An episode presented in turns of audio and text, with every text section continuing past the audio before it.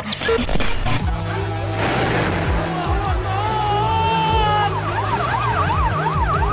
poddveteranen Radio Realism i lurarna får du förnuftiga röster i ett allt mer främmande land. Om det inte vore så att jag låter som en kråka när jag sjunger så skulle jag sjunga Ja må RLM leva nu.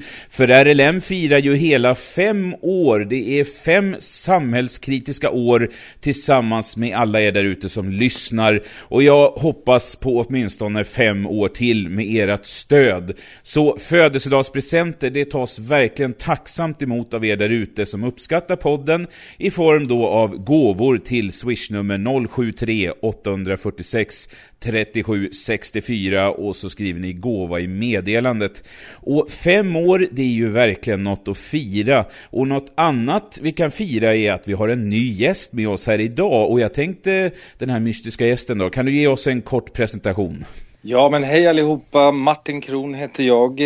Eh, jag är eh, född och uppvuxen i Nacka utanför Stockholm och har varit kock nästan halva mitt yrkesliv. Eh, jobbat en del utomlands då, kom tillbaka eh, till Sverige 2012 och eh, upplevde en eh, stor icke igenkänningsfaktor över mitt, eller i mitt kära hemland.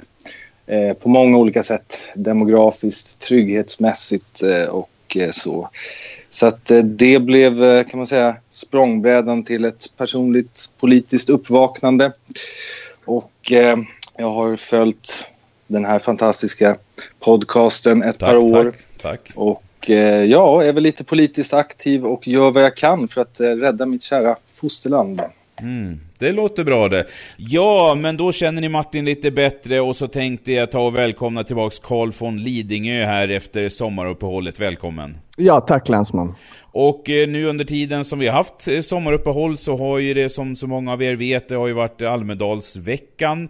Eh, och där händer det ju en, en hel del. Men jag skulle vilja ta upp det här med att eh, Eh, Eh, den här, han dyker ju upp här i programmet ibland, den här sossen eh, Anders Lindberg på Aftonbladet, han eh, vill ju anmäla efter, det var ju Jimmy Åkesson, han pratade ju mycket om det här med folkhemmet och så, eller det moderna folkhemmet sa han väl eh, kanske till och med. Eh, och eh, Lindberg, han är då alltså, han vill anmäla Åkesson till Konsumentverket då för vilseledande marknadsföring och syftar då på att han försöker ta över begreppet folkhemmet för att det begreppet tillhörde ju sossarna förut. Men det kan man ju inte säga att de står för idag. Eh, men jag tänkte fråga er då, alltså vad ni tänker först om att Sverigedemokraterna vill ta över begreppet eh, folkhemmet. Och vi tar och börjar med Martin tänkte jag. Mm. Jag tycker att det är faktiskt helt naturligt. Alltså, själva grundprinciperna för folkhemmet skapades ju där någonstans på 30-talet och det var ju eh, Per Albin Hansson var ju statsminister då men det var ju också de här makarna Myrdal där som var med och la grunden för den eh, nationella utökade familjen där staten skulle ta ett större ansvar för barnuppfostran och, eh, och att, eh, ja, att man skulle ha ett mer, ett mer socialt, kan man säga, samstämmigt eller ett, ett socialt samstämmigt samhälle då. Mm. och det bygger ju på att vi då hade en väldigt homogen eh, alltså rent socialt och kulturellt eh, befolkning i Sverige. Mm. Eh, på 40-talet, 1940 där så enligt off officiell statistik så var ju bara 1 procent utav Sveriges befolkning utlandsfödda och 0,1 procent födda utanför Europa. Mm. Och jag menar det här med homogenitet eller samstämmighet det skapar ju eh, trygghet i samhället eftersom vi förstår varandra, vi vet vad vi ska förvänta oss av varandras handlingar och beteenden. Eh, och utefter det så har man... Liksom, det är utefter de principerna man kan skapa ett folkhem. Och då menar jag på att eh, SD är det enda partiet idag som eh, eh pratar om det här, som socialkonservativt eh, eh värde, värdegrundsmässigt på eh, parti mm. och håller den här idén om folkhemmet vid liv. Alltså dagens politik eller regering och sättet att se på det är ju mer, jag skulle nästan vilja kalla det för eh, om SD är folkhemspartiet så är det här eh, djurparkspartierna. Mm. Eh, och med det menar jag att likt en djurpark så är vi då i detta samhälle som de håller på att skapa. Vi lever inom samma inhägnad, vi är väldigt olika varelser med olika uttryck eh, och, och, så, men vi är också väldigt segregerade och lever i våra mentala och fysiska burar ja, i det här men, samhället. Ja, men för det, det känns ju konstigt att sossarna ska bli arg på det här, för att jag menar, det är ju så sagt, det är ju absolut, alltså något folkhem vill de ju absolut inte ha, eftersom de vill ju som sagt, alla ska få vara precis som de vill, prata vilka språk de vill, kulturer och religionsyttringar alltså yttringar och så vidare liksom. Så att det sista de vill ha är ju det här, ett enat folkhem, någonting som liksom binder ihop. Och det är ju inte, det kan ju inte något annat parti heller som sagt sagt att ställa sig bakom egentligen. Så det är ju bara Nej. Sverigedemokraterna idag som faktiskt mm. vill ha det. Vad säger du om det här Karl? Ja, alltså för det första så är ju inte begreppet folkhem som varumärke tillhörande enbart Socialdemokraterna. Alltså bara för att Per Albin Hansson använder som begrepp under hans tid som statsminister Ehm, då kommer vi börja utesluta många olika ord från den politiska dialogen bara för att ett parti har använt det mer än något annat, alltså under en viss tid. Mm. Ehm, utöver det så är Anders Lindberg bara en typisk vänstervriden journalist. Så jag tycker inte man ska ge sådana typer så mycket uppmärksamhet längre. Mm. De har redan för länge dominerat informationsflödet som den gemene svensken får ta del av. Um, men egentligen så låter det mer som en desperation från vänster sida när SD ska börja ta över konceptet av folkhemmet. Mm. Eh, och jag tror nog att SD kommer att lyckas med det eftersom vänstern har förstört folkhemmet. Ja, jag tycker, jag måste säga det, jag tycker det är jättebra att de har tagit det här begreppet till sig och börjat föra ut det för att eh, det är ett så, det är ett så här verkligen varmt, mysigt, luddigt nej, men ord så här, mm. som verkligen känns som att det här är någonting vi kan enas kring. Som de gjorde en gång i tiden då när det var sossarna. Jag menar, då, då, då var det ju bra, den här Per Albin Hansson och så vidare. Så då hade de ju någonting verkligen att enas runt och det behövs nu igen mm. och den facklan kommer ju då inte sossarna bära utan det blir ju Sverigedemokraterna. Eh, men det, alltså det vi måste ta upp såklart så här inledningsvis också, det har ju hänt en del grejer här, men den stora saken det är ju den här regeringskrisen. Eh, det här med att eh, ja, hela det svenska körkortsregistret med bilder då också läckte ut till icke-säkerhetskontrollerade tekniker i Östeuropa. Och det inkluderar ju då också adresser till alla med skyddad identitet och som äger en personbil. Det är stridspiloter och ja, alltså allt. Det här är ju alltså en katastrof utan dess like och det här är ju verkligen ett hot mot rikets säkerhet. Så alltså, hur reagerade ni och liksom, vad tänker ni kring det här och Karl får börja nu då? Alltså för det första så är det väl mest beklämmande att regeringen har vetat om det här sedan en tid tillbaka, man har mörkat det. Mm. Det är en slags självbevarelsedrift. Men att en IT-tekniker i Serbien ska ha tillgång till känslig data och personlig information, det är ju ett direkt hot. Eh, inte bara mot de som lever under skyddad identitet, men mot vårt land. Eh, men jag tycker nog att det här ska vara perfekta tillfället att fälla regeringen. Så att vi får egentligen se om de andra partierna faktiskt vågar göra den här gången. Men alltså, det, alltså man tycker att det, det man blir så förvånad här är ju att man har ju så många gånger undrat att nu måste ju folket bli vansinniga på hur de där vanstyret och så vidare. Men här, alltså jag vet inte, jag tittar ut genom fönstret, jag ser inga arga människor med högafflar och facklor liksom. Det, det är lika tyst som vanligt, höll jag på att säga. Det, det, det, är ingen liksom, det här är ju någonting som verkligen borde trigga eh, folkets ilska. Varför tror du inte det, det gör det, Martin?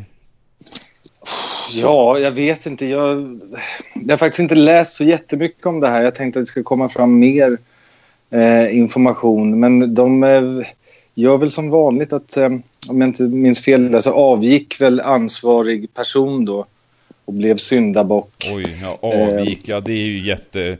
Oj, det är ju ett sätt att, så att, säga, liksom. så att säga, damage control då, det man gör. Men eh, eh, nej, jag har, in, nej, jag har inte så ja, mycket men, mer att säga ja, om men, det, vad, vad, säger det då egentligen Martin? Att, att liksom, i dagsläget då är det så att alltså, om det händer någon sån här enorm grej, tänk bara om det hade varit liksom för 50-100 år sedan, att någon hade gjort mm. någonting sånt här. Jag menar, det hade ju, alltså det hade, då, den personen att det blev ju så roligt för, men nej, du får sluta.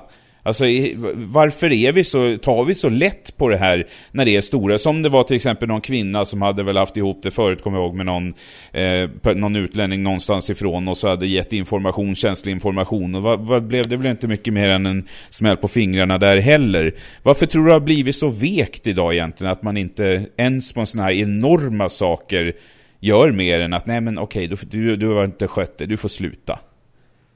Alltså, jag, jag, tror att alltså, media har ju absolut eh, en roll att spela där eftersom de hjälper till att sätta ord på vad det är som händer och när de själva då bedriver en sån där normaliseringskampanj över det här eh, så är det klart att det smittar av sig på, på människor. Då. Det det är som, vem, vem, ska, vem ska ta fighten någonstans? Mm. Det ska bli intressant att se hur eh, hur, eh, hur andra medier och partier som SD replikerar det här. För jag har inte sett någon eh, officiell replik eller någonting sen det här hände. Nej. Men alltså det känns ju nästan i dagsläget som att om det skulle vara någon, nu har inte vi några atombomber då, men hade vi haft det och liksom, oj, mm. det var någon som råkade spränga bort Norrland, ja, nej men han får, han får sluta nu. det, det, det, känns inte som att det är långt ifrån. Nej, men alltså tyvärr, nej men tyvärr ligger lite grann i vår mänskliga natur att när ett problem inte drabbar dig direkt så ignorerar du det. Och det Fast det här drabbar ju alla oss direkt egentligen, Fast, gör det ju det på ett visst sätt, fast vilka konsekvenser har det för den gemene svensken? Inte speciellt mycket. Det handlar ju mycket om de som har då skyddad identitet. För den gemene personen, ska de se min körkortsbild? Ja, den ser inte så jättefin ut kan vi säga, men det är ungefär det som det affekterar. Men det är ju samma sak med, med invandringen, alltså de människorna som lever i, i bra områden. Så självklart blir ju då skyddade från problemen och inte bryr sig. Och det är inte först de själva blir drabbade, till exempel att deras döttrar blir våldtagna eller söner nedslagna. Det är inte först då människor reagerar. Mm. Det är inte först vargen står vid dörren eller vad man brukar säga. Mm. Och pustar och frustar och han heter Stefan Löfven. Men eh, då har vi betat av de två första ämnena där och då tänkte jag att vi skulle gå vidare och prata om det här. Eh, för i Sverige, det här vet vi, vi begraver ju gärna huvudet i sanden. Eh, men en bra sak som David Cameron gjorde där borta i England 2015 var att beställa en rapport om terrorfinansiering. Som såklart då, alltså det är ju väldigt viktigt då för att få reda på var pengarna kommer ifrån så att man faktiskt kan sätta stopp för det. Men nej, den brittiska regeringen har nu beslutat att inte publicera rapporten om terrorfinansiering i sin helhet, utan bara en kort sammanfattning av rapporten. Att, citat, stöd från utlandet är en viktig inkomstkälla för ett antal mindre islamistiska organisationer i landet, slutcitat. Och det här är väl inte direkt någon nyhet för någon, inte för någon i England eller någon här i Sverige. Eh, och kritiker har ju då anklagat regeringen för att mörka rapportens innehåll för att skydda sina allierade Saudi Saudiarabien. Och det här viftar ju inrikesministern bort helt och hänvisar istället till den nationella säkerheten och till att det innehåller för mycket personlig information. Så jag tänkte fråga er då vad ni tänker om att de styrande då väljer att mörka istället för att gå ut öppet då och säga som det är. Så här är det liksom. Och faktiskt stoppa det som hotar våra länder. Vad säger du Martin? Ja, nej men du sa ju där, det är, alltså, hänvisar till den nationella säkerheten och att den innehåller för mycket personlig information. Alltså det här är ju ett, eh, det här är ett medborgarförakt alltså, utav eh, eh, den engelska staten mot eh, eh, jag tänker att det, det, det, är väldigt likt den här, jag vet inte om ni minns den här The Chilcot, Chilcot Report som mm. gjordes för några år sedan angående eh, Irakkriget där också där de en utredning som tog sju eller åtta år att göra och är liksom meterhög med text. Ehm, men de undanhöll fortfarande det som var det viktigaste där som var ju det här, de mötena mellan Tony Blair och ehm, George W. Bush där. Och jag menar på att eh, alltså det, det, ja, men det är ett medborgarförakt mot att man håll, undanhåller sanningen och information för medborgarnas säkerhet. Och det, det är ju... Ja, fast det är väl inte för medborgarna det är väl snarare för jag menar, de som, jag menar, det kommer fram att, ja men var kom, till exakt var kommer pengarna och från exakt vilka, för att folk ska faktiskt då kunna reagera och höja sina mm. röster och säga att ja men det är där, där vi vill ställa, alltså gå till den där moskén där det är extremism eller vad det nu är och säga liksom, här, stopp här, det ska inte in några pengar från det där och så vidare. Det är liksom bara för att stoppa så att folk vet ingenting. Folk ska bara gå runt i total okunskap och, och bara vänta på att det smäller. Mm. Ja, jag, skulle, absolut. Jag skulle nästan dra en parallell där till eh, våran eh, brottsförebyggande rådets oförmåga att eh, göra undersökningar och, och lägga på etnicitet där. Också för att eh, varsla folket om eh, vad det är som händer egentligen och så. Nej, jag tycker att det, det är en hädelse mot det engelska folket. eh, att de eh, tycker att det är viktigare med att undanhålla den här känsliga och detaljerade personliga informationen än att informera sina medborgare eh, om vad det är som egentligen händer. Mm. Då får Karl komma in här då. Ja, alltså jag reagerade lite mer här på just hon inriks, eller inrikesministern Amber Rudd då, som hänvisar oss, precis som du säger, att det är för mycket personlig information. Då är jag mest nyfiken på att för vem är det personlig information? Vilka är det i regeringen eller inom myndigheterna som det är känsligt? Vilken affiliation har de haft? Alltså det är så absurt lite information man, som man får från dessa politiker som ger sådana här vaga uttalanden. Uh, men när det kommer till exempel Saudiarabien och sådana här länder som har ju sett en alltför nära allians mellan USA och Saudiarabien. Även fast Saudiarabien är stora finansiärer till terrorism och spridet av extrem islam i väst och moskébyggande och så vidare. Men eh, i Sverige har vi inte rent mjöl i påsen heller när det kommer till att stötta diktatur och farliga grupperingar. Eh, Sverige finansierar de så kallade rebellerna i Syrien med över 100 miljoner kronor av skattebetalarnas pengar. Och nu har människor fattat att de här rebellerna som har gått emot Assad egentligen är terrorister. För det är inte så ofta ni hör längre att vi har finansierat och stöttat de här så kallade rebellerna i Syrien. Eh, nu vill man nog snarare hålla det tyst. Så återigen, våra händer är inte rena heller här i Sverige. Nej, det kanske, jag vet inte om någon blir förvånad av det. Eller vi, det är ju som sagt, vi gör ingenting. Vi hade gärna sett ett annat, ett helt annat eh, samhälle, både i Sverige och England, där man körde med öppna kort. För den respekten tycker man ändå att eh, befolkningen, medborgarna är värda. Men det tycker uppenbarligen inte de. Eh, vi går vidare till nästa och vi har ju tydligen haft fel hela högen. För eh, det säger då ett par rättsreportrar. Innerstan, nu, nu är det så här, ni stockholmare här, på säga. Innerstan är minsann farligare än förorten. Det står att flera förorter som Rinkeby och Tensta ofta pekas ut som farliga. Men brottsstatistiken visar att det är betydligt större risk att råka ut för brott som misshandel, våldtäkt, grov kvinnofridskränkning, olaga förföljelse, våld mot tjänsteman, rån och försök till mord eller dråp i innerstan. Det skriver Dick Sundervall Sundevall och Nina Silvotoinen eh, från rättsmagasinet Paragraf. Och Norrmalm är tydligen värst, så de uppmanar till eftertanke när man talar om no-go-zoner eller särskilt utsatta områden. Så då tänkte jag fråga, varför i hela fridens namn visar statistik kritiken då att innerstan är farligare än orten som Feministiskt initiativs Kavesa alltid vill påpeka att man ska kalla förorten. Eh, vad säger du först här Karl? Ja herregud, var ska man börja? Alltså, det här är bara ett försök att få det framstå att det inte finns några no-go-zoner som många journalister i Sverige vill, vill framhäva då. Eller att förorterna där invandrare dominerar egentligen inte är så farliga. Vilket är väldigt typiskt idag från vänstern och massmedia att försöka med. Men Eh, om du är mitt inne i en huvudstad så sker det ju självklart fler brott rent allmänt. Men det är ju egentligen en fråga om befolkning jämfört med hur många brott som sker. Vart det sker och vilken typ av brott. Om du har en huvudstad och du tar en zon som Norrmalm som innefattar då Skeppsholmen, Vasastan och Östermalm. Alltså centrum av en storstad där människor kommer från alla olika orter för att begå brott. Så självklart Alltså fler brott kommer att anmälas. Fast nu, det, det du, nu missar du något här Karl, eh, faktiskt, om jag får sticka in. Eh, alltså tänk, vad, alltså, jag säger vad massmedia rapporterar för att de vill få folk att tänka. Men vad rap mass, rapporterar massmedia och har rapporterat om många gånger också, om just de här förorterna? Jo, det är ju att Eh, det, det är en så liten benägenhet att eh, rapportera brott. Folk vill inte vittna, folk vill inte berätta liksom vad det på, pågår för brott där. Jag menar, och, och, så har man ju gång på gång på gång hur liksom knarkförsäljning och allt vad det nu är sker på öppen gata. För att inte tala om alla, eh, alla upplopp och allting. Jag menar, nu, våld mot tjänsteman kan man ju lugnt säga. Men, men just själva grejen att befolkningen är garanterat inte lika benägen att faktiskt eh, anmäla i sådana här områden. Det har vi hört gång på gång på gång. Skulle de vara lika benägna att anmäla som folk i innerstan är, då hade det ju statistiken såklart visat en helt annan bild. Det är ja, min det take på det i alla fall.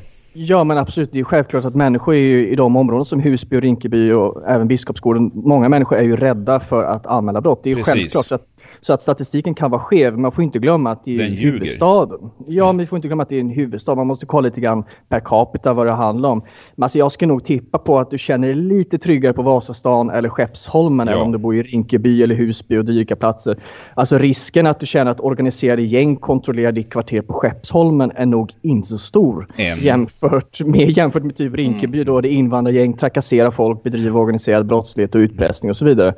Men för mig är det rätt så absurt att någon ens försöker dra en liknelse mellan antalet anmälda brott i centrum av Sveriges huvudstad. Vi får inte glömma att det är huvudstaden av ett helt land. Och några förorter som är helt terroriserade. Alltså det är inte ens polisen har någon kontroll över områdena. Alltså vi har ju haft tv-kanaler nu och journalister från flertal olika länder som har åkt till de här förorterna och de är ju helt chockerade. Och även attackerade har de blivit. Det är från Australien, USA, is, överallt kommer från för att rapportera och visa. Så jag tror återigen inte att de skulle råka ut för samma sak om de filmade i Vasastan i Stockholm. Nej. Ehm, Så tyvärr försöker nog de här människorna skruva statistiken då till sin egen politiska fördel och försöka påvisa att det inte finns några problemområden med invandrare överhuvudtaget. Vilket i dagsläget vet vi ju alla, det är ju en lögn att det inte skulle finnas problem med de områdena. Det är, Men- inte, det är inte bara sticka in det, för det är ju inte speciellt konstigt att eh, det ser annorlunda ut i sådana områden med tanke på, som du säger, att det är gängen som kontrollerar de där områdena. Så det, det är ju inte så att de som bor där, familjer och så som bor där, det är inte så att de så gärna vill springa iväg till polisen och säga vad som sker hela tiden. För att ja, då plötsligt får de en handgranat in genom rutan eller någonting. Det får man ju inte direkt kanske i innerstan. Eh, inte så troligt.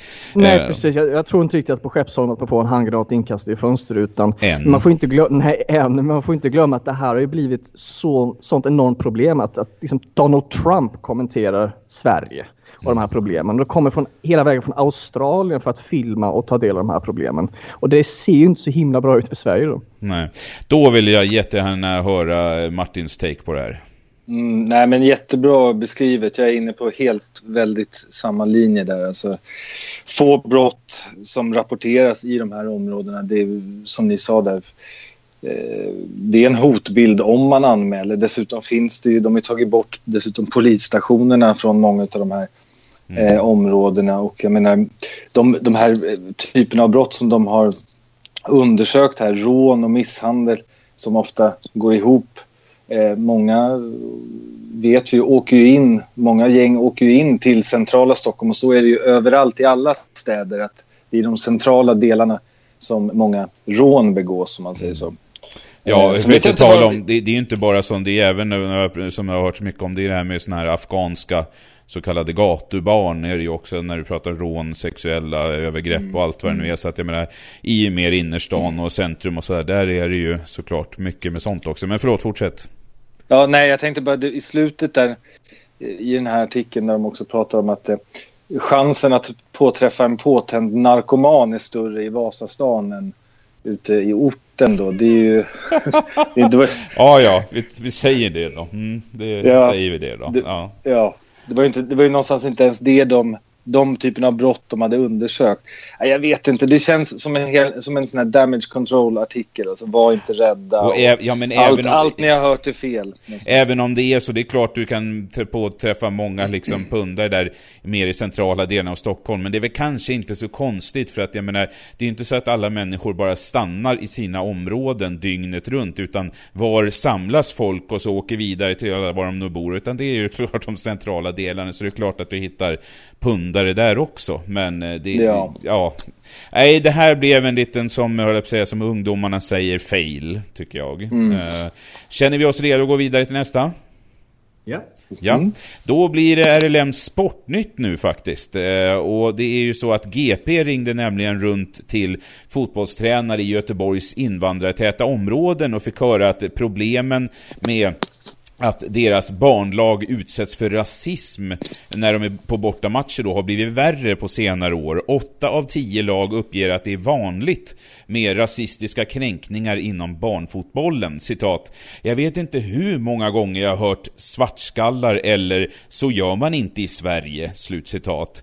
Men då tänkte jag ju fråga er, tror, alltså de här problemen, har de bara, uppstår det bara ur tomma intet det här då? Att det, är, det är ju så att invandrarlagen, de beter sig ju verkligen helt och fullt som de svenska lagen och föräldrarna, de har bara helt plötsligt ur det blå har de fått mm. för sig att skrika saker som att så här gör man inte i Sverige utan någon som helst anledning.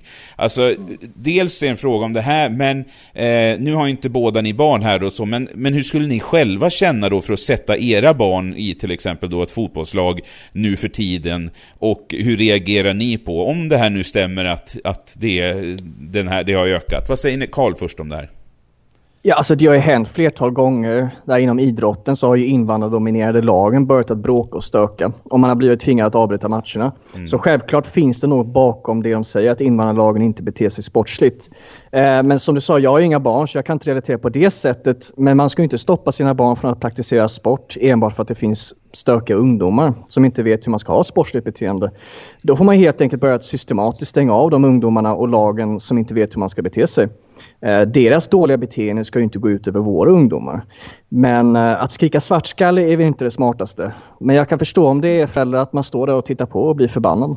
Och säger så här gör man inte i Sverige, ja, om de håller på och Alltså det är väl, ja, man kan ju tänka sig, så man har ju sett så mycket hur det är bland unga idag, alltså just eh, från invandrartäta områden, att de, alltså det är ju en väldigt, väldigt jämfört som vi har varit inne på i programmet där förut, alltså hotfullt väldigt då mot svenskar som är vana med att nej, nej, förlåt, jag vill inte slåss, jag vill inte bråka, medan de då går på i ullstrumporna så här, så att jag kan ju verkligen tänka mig att, eh, att det kan bli ganska rejält hetskt i, eh, alltså i fotbollen också när det är så mycket känslor som det ändå är. Ja, fast, eh. fast det, finns ju, det finns ju en lösning på det. Det är att du skickar, istället för att skicka dina barn till fotboll så skickar de till typ thaiboxning. Då får de en chans att smälla till den andra personen istället.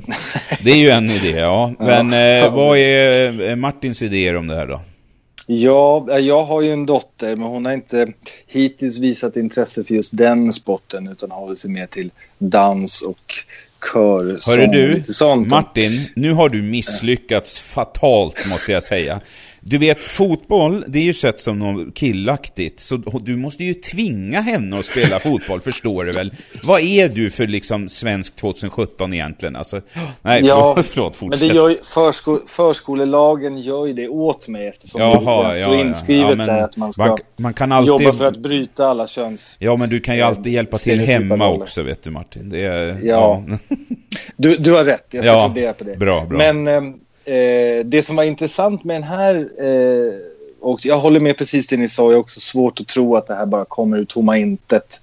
Eh, att föräldrar står och skriker så. Men Speciellt svenska efter... föräldrar. Att du vet, vi är ju inte direkt de som lyfter på fingret i första taget. Så det känns som att det måste ha gått ganska långt innan det sker sådär. Mm. Och i många undersökningar så kommer just Sverige som ett av de minst rasistiska länderna fram tydligen. Mm. Men det som var intressant här också med den här artikeln, det var ju att många hade ju reagerat då på den här artikeln som skrevs i GP och eh, det hade ju kommit fram andra tränare nu som eh, gav en helt annan bild där av att eh, någon, någon, någon storklubbstränare i Göteborg som sa att de har tagit hemliga beslut eh, eh, av att, att inte spela mot så kallade invandrarlag då för att det just så som Karl sa, det blev för mycket bråk och att det blev för stökigt helt enkelt. Eh, och det är flera, som jag läste då på GP där, det är flera tränare som har kommit fram och sagt tvärtom att det också finns en en, en, en vitbredd rasism gentemot svenskar och att få liksom, bli kallad för jävla svenne och svenne, fula ord och så. En annan aspekt här är också att den här åldersskillnaden att liksom 10-12-åriga svenskar, svenska lag då spelar mot andra lag som är märkbart mycket äldre och större och så. Eh, vilket, är, vilket, vilket är en annan Ja, det är ju också en sak, just det där med att eh, som sagt, det kan vara ett lag med 12-åringar så har herr Abdullah sagt att han är 12 fast han är 17-18 liksom. Det, ja, det är ju mm. ännu ett sånt här problem när man tänker efter som är nutida mm. problem då. Ja, men precis. Sen är det intressant vinklingen av det här de har gjort från början. Har de fått, de här reportrarna som har gjort den här, har de liksom själva tagit på sig att skriva den här vinklingen eller har de fått tips in och börjat undersöka? Ja, men de sa ju själva att de liksom ringde runt specifikt till, som de skrev själva, inom citat, invandrartäta områden ja, i Göteborg. Precis. Så de hade ju en, eh, en anledning att göra det då, eller det var ju det de ville då. Ja, samtidigt var det då, jag vet inte om det var någon som läste om det här bandyflicklaget som hade något träningsläger i Nyköping här, 10 till 14-åriga eh, tjejer då som och de hade lagt ett, något muslimskt läger där på samma arena eller någonting sånt. Var det någon som läste om det? Och ja, de här det låter bekant. Det var ett tag sedan var nu. Ja, inte så länge sedan. Nej. De hade blivit, alltså, det, ja men de hade ju blivit jagade in på toaletterna ja, där och folk ja. som hade bankat på dörrarna och det hade ju slutat då med att tränarna hade sagt åt dem att Alltså många föräldrar rapporterade om att gråtande deras döttrar hade ringt hem och att det var väldigt hotfullt och så. Och då hade tränarna då istället uppmanat dem att liksom sätta på sig mer kläder och ha långärmat på sig och långa byxor och så. Ja. Um, vi ska ju anpassa oss som vanligt. Vi ska det ja. Så ja, kom precis. ihåg det nu med din dotter Martin. Klä på henne för allt i världen. Ta på en overall och snowjogging och allt du kan. Ja. Mm, en niqab kanske. Mm, det också kanske. Nej, det är... Ja, man får avsmak så det heter duga. Och ja, man funderar ju själv med barnen och så här hur, alltså Alltså man, man får, ja det får väl bli ishockey då, för det delar väl... Nej förresten! Ja, eller ishockey, ja, men bandy, ishockeybandy då så att säga. Det där, då har vi Somalielaget där uppe som Fredrik och Filip. Skidor då? skidor Nej, kanske? Ja. Nej men jag sa ju det, thaiboxning. Lär, lär flickorna att slåss istället så blir det bättre. Ja, ja, det kan väl vara, eh, kan ju vara en idé. Men eh, ja, ska vi ta och röra oss vidare till nästa ämne då? Eh, vi har några att beta av här. Nu ska vi ta och prata om en yrkesgrupp som aldrig har varit speciellt uppskattad, men folk har väl ändå någonstans fattat då att det är ett måste för att undvika fullständigt kaos i trafiken. Parkeringsvakter ska vi prata om nu. Stup i kvarten nu för tiden så får vi höra att p-vakter då blir hotade och vill inte jobba på vissa ställen. Och vi kan ju kanske gissa, eh, utan att vara sådana här hemska rasister, men vi kan ju kanske gissa vad det är för ställen de inte helst jobbar på. Eh, vi kan då i alla fall läsa om en eh, parkeringsvakt då som hade lappat en mans bil och då blev han attackerad av mannen och när han försökte då försvara sig då hoppade mm. även mannens kumpan på p-vakten då och han blev både sparkad och slagen med sin egen batong. Så han fick sy 16 stygn i huvudet efter det här. Eh, så Alltså jag tänkte fråga hur ni tror att framtiden ser ut för parkeringsvakterna i det här allt mer berikade landet och hur ni kan tänka er att just då trafiksituationen kommer bli i våra städer med den här framtiden som vi är på väg emot. Martin är först här. Mm. Ja, det är en svår fråga. Framtiden för P parkeringsvakter alltså. Ja, men hur känner du själv spontant? Så här? Känns det som när du hör sådana här saker, ja men det här är ett yrke jag absolut vill göra? Nej, absolut inte. Då är det nog många andra inte. som tänker det också, och jag tror, jag. Ja, och jag tror inte att det är som, jag vet inte om ni minns där, Sällskapsresan, den första med Majsan och Siv. Det var tidigare. Eh, det var, de var ju parkeringsvakter. Va? Det kom någon burdus Merca-ägare och svängde upp precis bredvid resebyrån och de kunde lappa och så. Det är ju inte riktigt så längre utan Nej. Alltså, den här händelsen du tar upp, som du tar upp där, det är ju helt hemskt. Alltså. Eh, samtidigt så har jag inte en personlig reflektion där. Jag har inte sett så många etniska svenskar i det här yrket heller. Det verkar inte vara ett så populärt eh, yrke på det sättet eh, ändå. Men jag, menar, jag tänker att det här har förändrats väldigt mycket. Förut var det kommunerna som hade det här. Nu har Q-Park och Europark och de här företagen köpt upp platser och eh, eh, liksom mer jagar, jagar bilägare på, på ett annat sätt tror jag. Eh, ja, alltså, ja, tidigare så var det mer en ordningsfråga gentemot alltså hur man ställer sina bilar. Nu är det mer en vinstdrivande eh, storföretagsgrej, eh, man, kan säga. Men jag har en, så svaret på frågan är ja. Jag tror att framtiden för p-vakter, jag tror att de kommer vara mer ha en mer provisionsbaserad lön och att man kanske kommer utföra arbetet mer på egen risk som det är i England där de har en uttalad ehm, eller de där de har gjort det offentligt att de har en provisionsbaserad lön. Det vill säga ju mer bilar de lappar desto bättre lön får de. Eh, och då... Som telefonförsäljare liksom. Det, ja, det ja, är väl också Ja, men precis.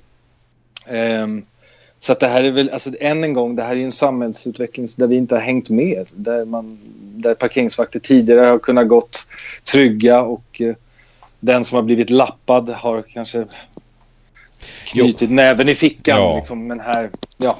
Men det är bara som jag säger, jag tänker liksom, alltså man, eh, som man hör nyheter om nu, att det liksom trafiksituationen i vissa av de där områdena är ju verkligen inte bra. Det är dubbelparkeringar, det är liksom, mm. par, vad var det, var, var det väl någon moské också om jag inte minns fel, där de parkerar hur som helst och där vart det ju ett jäkla liv då att, ja det var väl att de slutade väl åka dit också med p-vakter för mig, så att jag menar det är jag menar om det kan ja. vara jäkligt och trafiksituationen idag att vara ute och köra, men i framtiden så är det väl bara lika bra att parkera bilen, och säga känns det nästan som. Uh, ja men precis, bara en liten inflik där också, det här med parkeringsböter också. Det, vi har ju ett problem med den här Um, vad heter det, alltså, bilmålvakter va?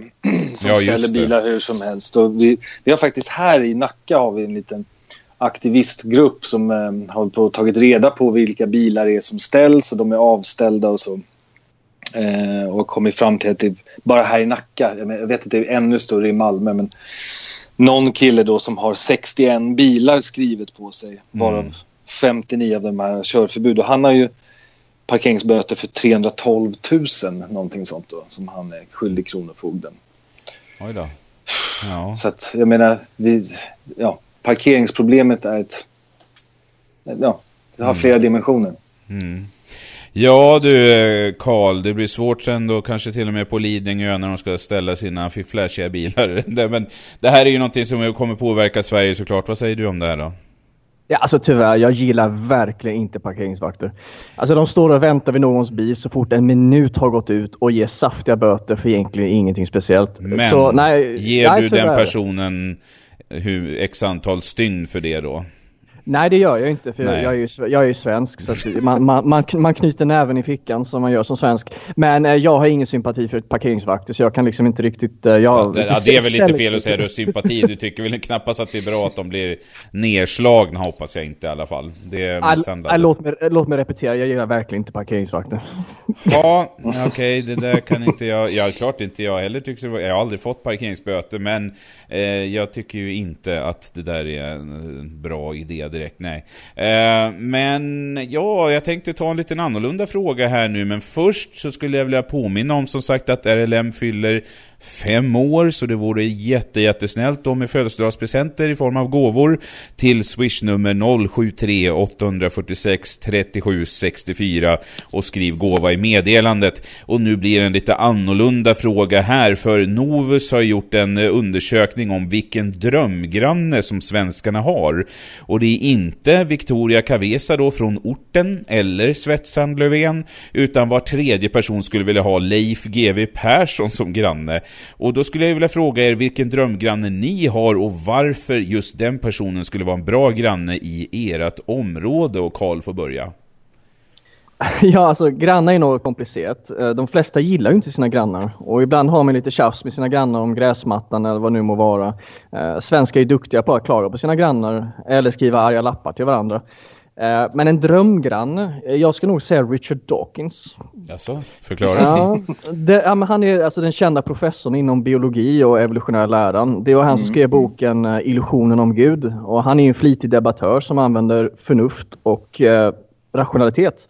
Att kunna gå över en fredagskväll, dricka lite gott rödvin och diskutera evolution, mänskliga naturen och idiotin inom religion och mänskligheten, det skulle vara underbart. Mm. Mm. Jaha, ja, du ska vara så intellektuell du, jaha. Mm. Nej, då får vi höra vad Martin har för drömgranne då. Ja, det, här, det var en rolig fråga för det första, men det damp ner på mig direkt alltså, när jag började fundera. Och, eh, jag känner inte honom personligen, men eh, Lennart Mattikainen. Jaså, hör du det Lennart? Eh... Ja. ja. Nej, men jag tänker att inte bara av, av, att jag tycker att han verkar vara en väldigt klok och trevlig eh, person men också han är både fysiskt och psykiskt stark. Han, jag tror att han är en bra granne. Att jag bor ju i eh, eh lite avskilt i skogen. Det skulle vara perfekt att ha en, eh, en, en, en Lennart med lite siso här bredvid och eh, man skulle känna sig trygg. Vi skulle veta att vi litade på varandra och på samma sätt som Karl skulle gå över och diskutera lite evolutionära filosofiska tankar så tror jag att jag och Lennart också skulle kunna ha några bra, fina samtal. Alltså. Mm. Mm. Ja, ja, nej men det här kan vara intressant att höra er lyssnare också, kan ni kommentera. Vad, vad skulle ni ha just för drömgranne och, och varför just den? Ehm, det var en lite kort fråga då, men jag går vidare till nästa och då är det Aftonbladets Fredrik Virtanen. Han brukar ju vara ganska virrig, men här ställer han en fråga som jag skulle vilja ta upp. Han säger att det ser illa ut och syftar även nu efter Almedalen och det här. Det ser illa ut då när medier då och politiker super och då tänkte jag fråga er hur ni ser på det och hur ni tror att folk ser på då när medier och politiker super. Minskar det förtroendet eller kan det då ursäktas med att ja, men de är bara människor som oss andra? Är det snarare så att det påverkade mer förr än det gör nu? Vad säger du Karl? Ja, alltså är du en förtroendevald politiker så är du en offentlig person. Ehm, det betyder att media och alla andra kommer att observera ditt beteende på en grundlig nivå. Ska du vara politiker så får du ta det ansvaret att inte gå ut och supa och göra allt man normalt sett vill som en, ja, inom citattecken, vanlig människa kan göra. När det kommer till att hamna i bråk på krogen och bli full så dömer människor andra dömer dig antingen medvetet eller undermedvetet. Typ att den här personen inte har disciplin nog att göra sitt jobb eller att den här personen kan man inte lita på och så vidare. Alltså det ingår ju i mänskliga naturen. Sen är det lite fascinerande varför vi förväntar oss att politiker ska vara perfekta människor. Mm. Det, är ju det är ju naturligt. Ja, det, det vet naturligt. vi förvisso att de verkligen inte är. Men, ja. Nej, precis. men det är ju naturligt att ibland kan hamna i slagsmål eller bli för full eller kanske vara otrogen och så vidare. Alltså ingen människa är ju perfekt. Men ska du bli politiker så är det bara att komma ihåg att människor kommer att granska det hårdare än vanligt. Ha, ja, men är det, påverkar det här mer förr än nu? Vad säger du Martin? Ja, nej, alltså, jag håller med där om att man är en offentlig person och som politiker då, han tar ju upp både politiker och journalister, men poli de har ju någonstans ansvar för sitt eget rykte tänker jag. Att, jag menar, att det ser illa ut eller inte, det är väl en subjektiv bedömning. Jag vet eh, riksdagspolitiker som eh, lägger ut eh, bilder på Facebook när de festar och sådär och, och liksom på, på någonstans så kan det se ganska trevligt och norm normalt ut liksom, på något sätt. Eh, eh, det självklart inte, som i det här, den här artikeln som han tar upp, det ser ju väldigt dåligt ut såklart när politiker och journalister super och som han säger geggan eller geggar ihop tillsammans då. Um, ja, jag vet inte om man skulle se så här, um, uh, ja men Fredrik Virtanen eller någon av de där typerna ligga i rännstenen med en uh, ölburk bredvid sig. Jag skulle liksom, ja ja men det, jag skulle inte bli så här förvånad. Det känns liksom rätt på något sätt. Nej, men det känns inte så här förvånande direkt tycker jag då. Men Nej. just med journalister, de är väl, ja. Mm. ja Nej, men, men han berättar ju i den här artikeln liksom hur det är och han, Alltså, han skriver ju, jag gillar det här citatet, tyvärr noterar publiken geggan är jag rädd. Alltså någonstans, den här artikeln handlar ju om just det här att politiker och journalister super ihop. Jag menar journalister, särskilt från public service, deras uppgift är ju att granska de här politikerna som sitter vid makten och jag menar då är det jobb, såklart jobbigt, eller det blir ju ganska uppenbart när de festar ihop att det är någonting som kanske inte stämmer där då. Mm. Men eh, rent, rent krasst, att vill man, jag menar Churchill, kolla på andra världskriget, du hade Churchill där som var en eh, superut kan man väl kalla honom. Eh, å andra sidan så hade du Hitler som var en nästintill renlevnadsmänniska. Jag menar Churchill var ju lika populär för det Mm. Så jag menar, det är en subjektiv bedömning. Man kan nog göra det eller inte. Alltså jag, det, det är ju inte så att det skulle förändra, men jag säger att man skulle se Jimmy Åkesson uh, ha super till så mycket så han sitter och hänger där över någon stol liksom och är jättefull. Men det skulle ju inte, alltså det förändrar ju inte om man säger synen på honom, utan ja det är väl liksom mer att ja men visst skulle han ha super så mycket så han ligger och spyr i någon tants handväska på krogen mm. liksom. Då kanske man liksom skulle lite säga, hm, ja det där var inte så bra. Men det är inte så att, som sagt, Jimmy är ju en människa som alla andra liksom. Och han måste ju också få dricka. Så jag vet inte, jag tycker det där är lite, alltså förstorat. Så länge man inte verkligen gör rent idiotiska saker liksom. Alltså dumma ja, saker kan man ju göra på fyllan, det gör alla människor. Men ja. man kanske inte ska gå så långt så att man gör helt idiotiska saker om man är politiker.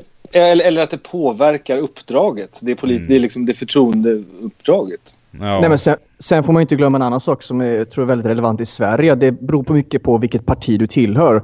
Är du eh, Sverigedemokrat och du kanske hamnar på fyllan, då kommer ju Expressen, Aftonbladet och allihopa sätta upp det på första sidan. Ska du vara miljöpartist och kanske hamna i samma situation så kommer de ju dölja det. De kommer inte rapportera överhuvudtaget på samma sätt. Är du Sverigedemokrat och du gör ett misstag, det minsta lilla misstaget som förtroendevald, då kommer det upp på tidningar, första sidorna hela tiden. Men vad då? miljöpartister dricker inte alkohol? De gör väl bara hemgjord äppeldricka med lite blommor i eller någonting dricker ja. de väl? Alltså det... ja, ja, men eller, eller man pratar om, eller man pratar om misstag, misstag rent generellt så har det alltid varit så fort en sverigedemokrat gör det minsta eller misstaget då blåst det upp över hela media. Men de andra partierna, de andra människorna kommer undan rätt så lätt. Mm. Men vi kommer inte undan från nästa ämne utan det ska vi ta nu. Eh, det fria ordet ska stärkas genom att folk ska tystas. Det låter ju logiskt. Regeringen har antagit en ny handlingsplan som är tänkt att citat stärka det fria ordet genom att stoppa hot och hat mot vissa yrkesgrupper. Och fokus ligger då på journalister, förtroendevalda och konstnärer.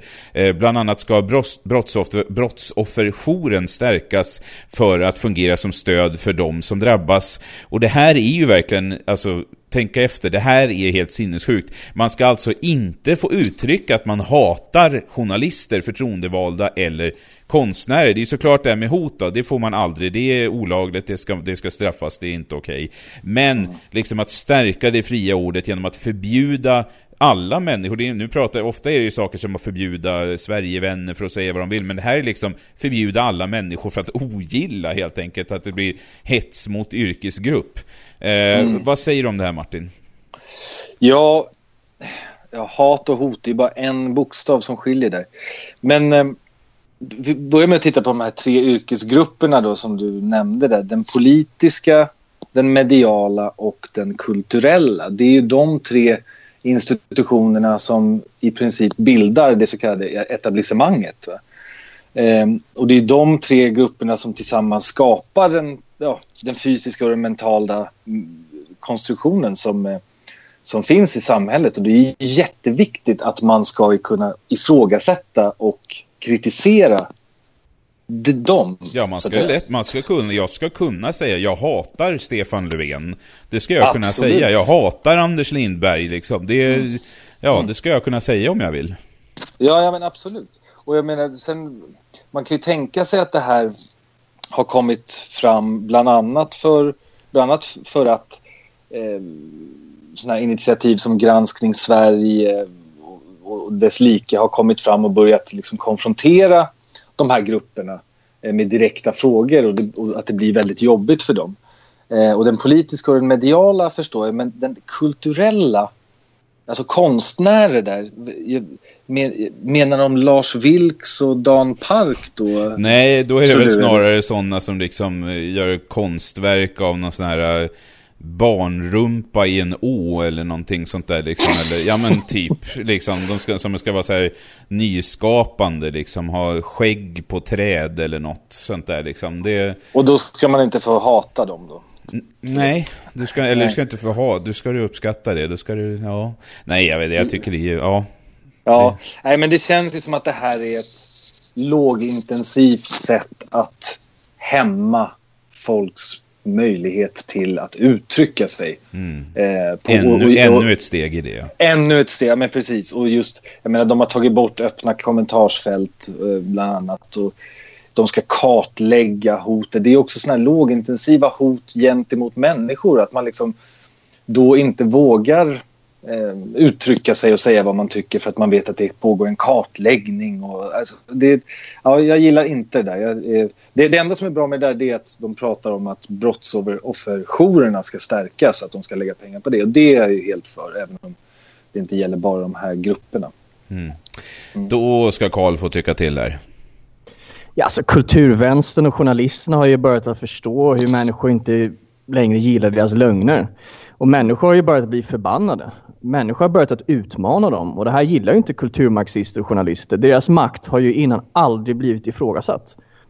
Eh, sen känns det lite magstarkt att de använder ordet konstnärer. Alltså, då får vi aldrig glömma att just på grund av massmedia, politiska korrektheten, kulturmarxism och så vidare så blev ju just konstnären Dan Park satt i fängelse. Alltså tänk, tänk efter vilka länder det är som sätter konstnärer i fängelse. Det är liksom Kuba, Kina, Nordkorea, Sverige. Men just för att han inte hade samma åsikter som resten av vänstern inom kulturvärlden så straffar man honom. Så vilka konstnärer de egentligen reflekterar, till, reflekterar kring kan man egentligen bara spekulera. Men precis som Martin nämnde här, granskning i Sverige, det, det, är rätt så fascinerande för att då, då blir journalisterna förbannade för att de ringer upp och ifrågasätter och ställer väldigt konkreta frågor. Och då tycker journalisterna och massmedia tycker att det är de som ska ha monopol på att göra det. Mm. Så jag, jag, tror att de börjar bli lite rädda just för att, för att uh, jag helt enkelt inte har det här monopolet längre. Mm. Ja, då går vi vidare för regeringen vill ju se en lagändring för gamla domar. Justitie och migrationsministern Morgan Johansson vill att det ska gå att riva upp gamla domar även om det kan vara till nackdel för personen som har dömts för brott. Och bakgrunden till det här är en grov våldtäkt i Stockholm förra året då gärningsmannen dömdes som 16-åring men senare visade sig vara 20 år. Eh, straffet hade ju då blivit hårdare om rätten hade vetat att han var i vuxen vuxen ålder. Och det här är ju så, som så mycket annat ännu ett nytt problem i det här mångfaldssprängfyllda samhället eh, som vi inte hade förut. Då visste man ju vem som var vem och hur gammal den personen var. Men vad tänker ni om den här lagändringen och kan vi vänta oss att eh, det här kommer att leda till att man faktiskt ser över alla invandrare då mer noga, att, eh, alltså där det har funnits mer tveksamheter kring eh, när de dömdes, eller kommer det bara bli ett och annat fall som de besvärar och ser över? Vad, vad, vad tror eh, Martin först? Ja, man kan ju hoppas eh, att de börjar se över och börja uppdatera eh, de fallen som redan har blivit dömda. Men jag tycker att det är absolut rimligt. Eh, än en gång, statens och rättsstatens uppgift är att skydda sina medborgare, värna sina medborgare. Om man har en grov våld eller en, en man som har blivit dömd för grov våldtäkt som nu sitter på ungdomsvård eller har dömts till någon samhällstjänst på grund av sin ålder fast han egentligen borde befinna sig eh, på ett flerårigt fängelsestraff så är det självklart att det måste åtgärdas. Mm. Um, och det, vi, alltså än en gång, ja, statens uppgift är att skydda och värna sina medborgare och ja, vi måste ändra både lagar och regler för att uppdatera det här. Som det står här också eh, i eh, artikeln, det finns ingen statistik men, eh, eh, men det har skett i ett antal fall. Mm. Alltså än en gång, den här Vad statistiken. Vad är ett antal i dagens ja, Sverige? Precis, precis. Ja, men än en gång, alltså, det leder tillbaka lite till både det här med Brå och det vi pratade om i England. alltså, folk måste få veta. Vi är inte ett, vi är inte idioter. Vi är svenska medborgare som har rätt till att få ta del av sanningen och utifrån den skapa våran verklighet. Det är, liksom, det, det är så... Det låter ju inte ja. helt fel. så borde det ju vara. Uh, ja, mm, men... Uh, är, precis som Karl sa där än en gång. Det, det, finns flera gånger man kan nämna Nordkorea, Kina och Sverige i samma, och Kuba i samma andetag. Liksom. Mm. Det är på något sätt så institutionaliserat här att det är så hyschan pyschan och det ska liksom inte fram och så. så att, nej, men mitt svar på det är att absolut, det är absolut rimligt att det här Eh, att man återupptar gamla domar och gör om dem. Yes. Men Karl, hur troligt är det då att de verkligen kommer ta det här på allvar i så fall då och faktiskt se över alla de här, men för det, det är klart, det lär ju ha hänt flera gånger att de har suttit där i rätten och någon säger hej, jag är 14 år och så sitter han där med sitt eh, majestätiska skägg. Nej, men det är klart att det måste ju ha funnits många gånger de verkligen har suttit där och funderat. Vad är det frågan om egentligen? Kommer det här påverka något stort eller inte? Jag är lite mer cynisk så att um, Sverige, ja, men Sverige måste ju någon gång växa upp och inse att vi inte kan vara så naiva och godhjärtade hela tiden. Man måste se verkligheten. Och det innebär ju också att en majoritet som säger sig vara ensamkommande barn egentligen är vuxna män. Så vi har ju fått lära oss det här den hårda vägen tyvärr på bekostnad av många unga tjejers välmåenden genom gruppvåldtäkter och så vidare. Mm. Men kommer detta bli praxis? Det tror jag inte. Vi har inte mognat tillräckligt mycket än för det. Vi har fortfarande våldtäktsfall där asylsökare får skyddstillsyn eller villkorlig dom. Så vi har en lång väg att gå tyvärr. Usch, ja. Då går vi vidare till programmets sista ämne och eh, det gäller Sverigedemokraterna. En SIFO-undersökning visar att rapporteringen kring Sverigedemokraterna har förändrats. Citat, långsiktigt kan man se en förflyttning mot en mer neutral rapportering. Och alltså det är ju sjukt verkligen, ni säger att den stora nyheten här är att ett riksdagsparti som Sverigedemokraterna behandlas mer neutralt så man tycker att ja, men det borde de väl alltid har gjort som alla andra partier. Eh, men och lite skillnad får vi ändå säga att alltså, man kan ju faktiskt se lite skillnad nu. Eh, I Almedalen till exempel tyckte jag att ja, man märker lite skillnad också. Men frågan är då vad det beror på. Artikeln säger då att eh, ök, ett ökat väljarstöd kan ses som en viktig förklaring. Eh, och om det är så då, är det så att medierna helt enkelt börjar bli oroliga för att färre kommer att köpa deras krimskrams om de är för negativa och drevar för mycket mot SD? Eller är det någon slags ny strategi kanske när de ser nu då att det verkligen, det funkar inte som de har försökt hela tiden nu att ta fram det tunga artilleriet 24-7 och bara mosa, mosa på SD. Vad tror du Karl? Alltså, det är väl ingenting nytt att SD har blivit behandlad annorlunda än de andra partierna i massmedia. Och då menar jag såklart på ett negativt sätt. Men nu är SD så pass stora att vid någon punkt borde ju massmedia förstå att de förlorar ju sin kommersiella verksamhet med deras politiska agenda och hat emot oliktänkande. Men man börjar ju märka en viss förändring i rapporteringen från massmedia kring SD och massinvandringen. Men massmedia verkar vilja klamra sig kvar med klorna. Eh, jag personligen har börjat se en annorlunda debattartiklar i tidningar runt omkring i landet. Så jag tror nog att massmedia förstår att de inte längre kan hålla på som de gjort under alla år. Det är ju karriärsmässigt självmord i slutändan. Eh, men Sverige befinner sig i en tid av förändring och nu måste ju massmedia också acceptera det. Det är så lustigt, jag menar just att eh, journalister redan har så dåligt, eh, alltså för förtroende, folk har inget förtroende för dem och jag menar, som sagt, tror de verkligen på allvar att det kommer på något sätt bli bättre även om de svänger i vad de säger? Jag menar, det kommer ju snarare bli tvärtom, då är det ju ännu en gång som de inte håller, håller kvar någonting som de har hållit kvar så hårt i, men om de ska börja svänga, ja då... Ja, men eh, Martin, Martin, vad säger du? Ja, nej men alltså, som jag håller med dig där Länsman, det du sa i början. Det, det borde ju alltid såklart ha rapporterats neutralt. Och det är det som är så roligt att det här blir ju någon sorts metaperspektiv eh, där medierna rapporterar om sin egen rapportering som om det vore någon sorts naturlag. Att titta nu börjar det bli lite mer positivt här och jag menar det är ju det är de själva som har stått för det här och, och i den här undersökningen som de har gjort så är ju public service eh, företag eller public service-bolag med i, i undersökningen. Så det är ju bara ett, ännu ett exempel på hur vinklad media har varit. Och, och så det är nästan det är lite skrattretande över det då. Men eh, eh, varför gör de det? Jo, alltså jag tror att som Karl sa där, jag tror att de de känner vad vindarna blåser. Alltså någonstans, det, det går inte att hålla emot längre.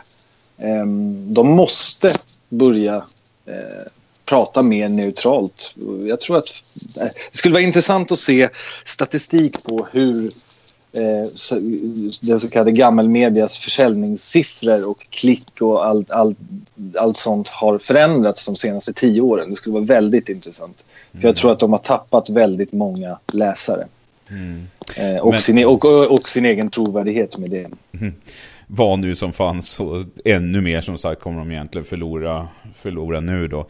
Men det är väl kanske också så att jag menar, de vill inte, de vill väl kanske lugna ner sig lite för och, eh, för de säger ju alltid ja men SD får ju den här martyrrollen att de säger att medierna är så dumma och då kanske de ska försöka med något nu då att ja men titta, nej men vi är inte alls dumma, vi visst eh, rapporterar neutralt och så vidare. Så här, det, ja, fortsättning följer kan man väl säga att, att det blir på det här.